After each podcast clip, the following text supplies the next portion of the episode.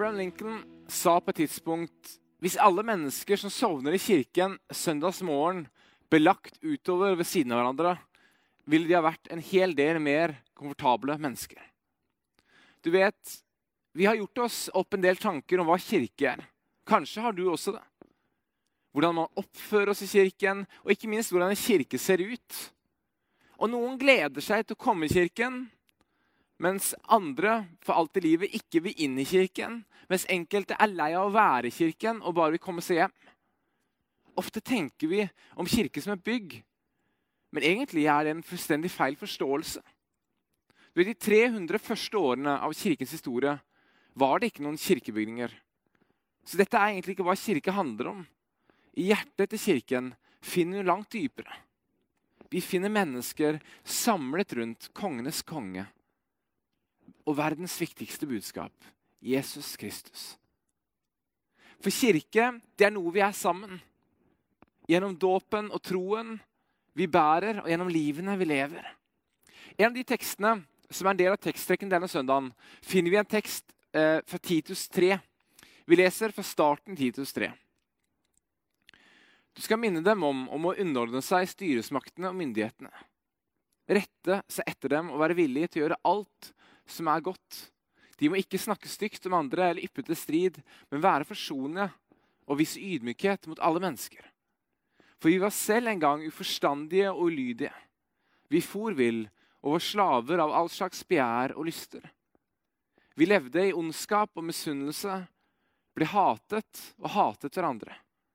Men det ble åpenbart hvor god vår Gud og frelser er, og at han elsker menneskene. Han frelste oss ikke pga. våre rettferdige gjerninger, men fordi han er barmhjertig. Han frelste oss ved badet som gjenføder og fornyer ved Den hellige ånd, som han så rikelig har øst utover oss ved Jesus Kristus, vår frelser. Så vi skulle bli rettferdige ved Hans nåde og bli arvinger til det evige liv, som er vårt håp. Kirken er med andre ord et fellesskap av folk som har blitt arvinger til det evige liv. Ikke fordi vi fortjente det, men fordi vi ble gitt det. Og vi ble regnet som rettferdige gjennom Guds nåde. Gjennom et bad som gjenføder og fornyer ved Den hellige ånd. Da jeg leste den teksten, så fikk jeg ikke uventet umiddelbare koblinger til teksten om Nikodemus i Johannes 3, som var fariseer, og som var en del av jødenes rådsherrer, og som nettopp stilte Jesus dette spørsmålet hvordan kan egentlig en som er voksen, bli født på nytt? For det er jo ikke sånn at det er mulig å krabbe inn i magen på nytt. Og svaret han fikk av Jesus, var sannelig, sannelig, jeg sier deg, det som ikke blir født av vann og ånd, kan ikke komme inn i Guds rike. Det som er født av kjøtt, er kjøtt. Men det som er født av ånden, er ånd. Så som kirke lever vi altså ut fra det utgangspunktet at vi har mottatt en ufortjent nåde. Philip Yancy skal ha sagt det slik Nåden avhenger ikke av hva vi har gjort for Gud, men heller av hva Gud har gjort for oss.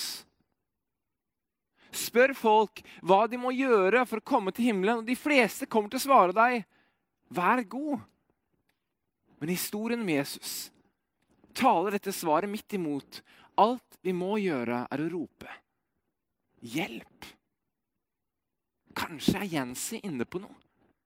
Kirken er med andre ord et fellesskap av mennesker som ser at vi trenger hjelp, og som retter dette ropet opp mot Gud. Det er ikke et fellesskap av noen som har prestert noe. Dit hvor de kommer til et punkt hvor de fortjener en premie som da skulle være det evige liv. Nåden er stemmen som ber oss om å endre kurs og så gir oss kraft til å gjøre det, har Max Lucado sagt. Hvor dyp må nåden da være? Hvor stort under det da må være i det badet som gjenføder? Hvor stor kraft det må være i den ånd som fornyer? Det er egentlig ganske logisk. Verdens viktigste budskap tar ikke bolig i et bygg. Tenk hvor begrensende det ville vært. Verdens viktigste budskap tar bolig i mennesker. som hele tiden er i berøring med andre mennesker, og som gjennom både ord og gjennom livet formidler et budskap om verdens håp. Et evig liv med Gud. Ikke fordi vi har fortjent det, men som det sto i teksten Det ble åpenbart hvor god vår Gud og frelser er, og at han elsker menneskene. I starten av Titus-teksten så oppfordrer Paulus oss tydelig til å være gode mot alle, være ydmyke og værende forsonlige. Men det er ikke disse tingene som gjør at vi står som arvinger til det evige liv, som har vært håp. Men kanskje er det heller sånn at disse tingene er naturlige konsekvenser av møtet med en som tok imot oss og gav oss alt. Når vi egentlig ikke fortjente det. Augustin skal ha sagt det slik Nåde er ikke gitt fordi vi har gjort gode gjerninger, men slik at det blir mulig for oss å gjøre dem. I 1. Korinterbrev 12, 12-13 står det Slik kroppen er én, selv om den har mange lemmer, og alle lemmene utgjør én kropp, ennå de er mange. Slik er også med Kristus. For med én ånd blir vi døpt til å være én kropp, enten vi er jøder eller grekere, slaver eller frie. Alle fikk vi én ånd å drikke. Dere er Kristi kropp, og hver av dere er et lem på ham. Dette er kirken. Dette er deg hvis du tror på Jesus Kristus. Dette er et veldig lite statisk bilde. En kropp er som regel i bevegelse. En kropp vokser. En kropp lever. Dette bildet legger en enorm tillit til den enkelte trones betydning, som er stikk motsatt av hva som skjer når vi forbinder det med kirke, eller når vi forbinder kirken med et bygg eller et samlingssted. Ikke undervurder din betydning. Hvis Kirken er en kropp, så er du en del av det legemet. Ikke fordi vi fortjener det, men pga. hans kjærlighet og hans barmhjertighet.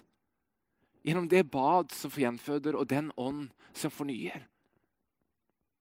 Mange har kanskje erfaringer med å ha vært på gudstjenester.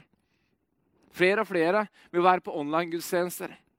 Men færre har kanskje erfaringer med å møte Kirken når den kommer tett på, når den bryr seg og spør hvordan går det Det er en av privilegiene vi har gjennom at vi er en del av Jesu kropp. Og vi gjør det som kirke med de menneskene vi møter. Du skjønner, I utgangspunktet så kan denne måten å være kirke på kanskje høres mer slitsom ut. Men så er det stikk motsatt. For den tar i betraktning at jeg har faktisk en plass på dette legemet, jeg også. Jeg tilhører her. Det betyr noe at jeg er her. Du skjønner, Spørsmålet er ikke hvor mange gudstjenester eller møter du har sett på nett denne måneden.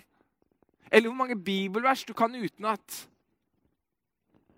Men hvilken plass har dette budskapet tatt i ditt liv?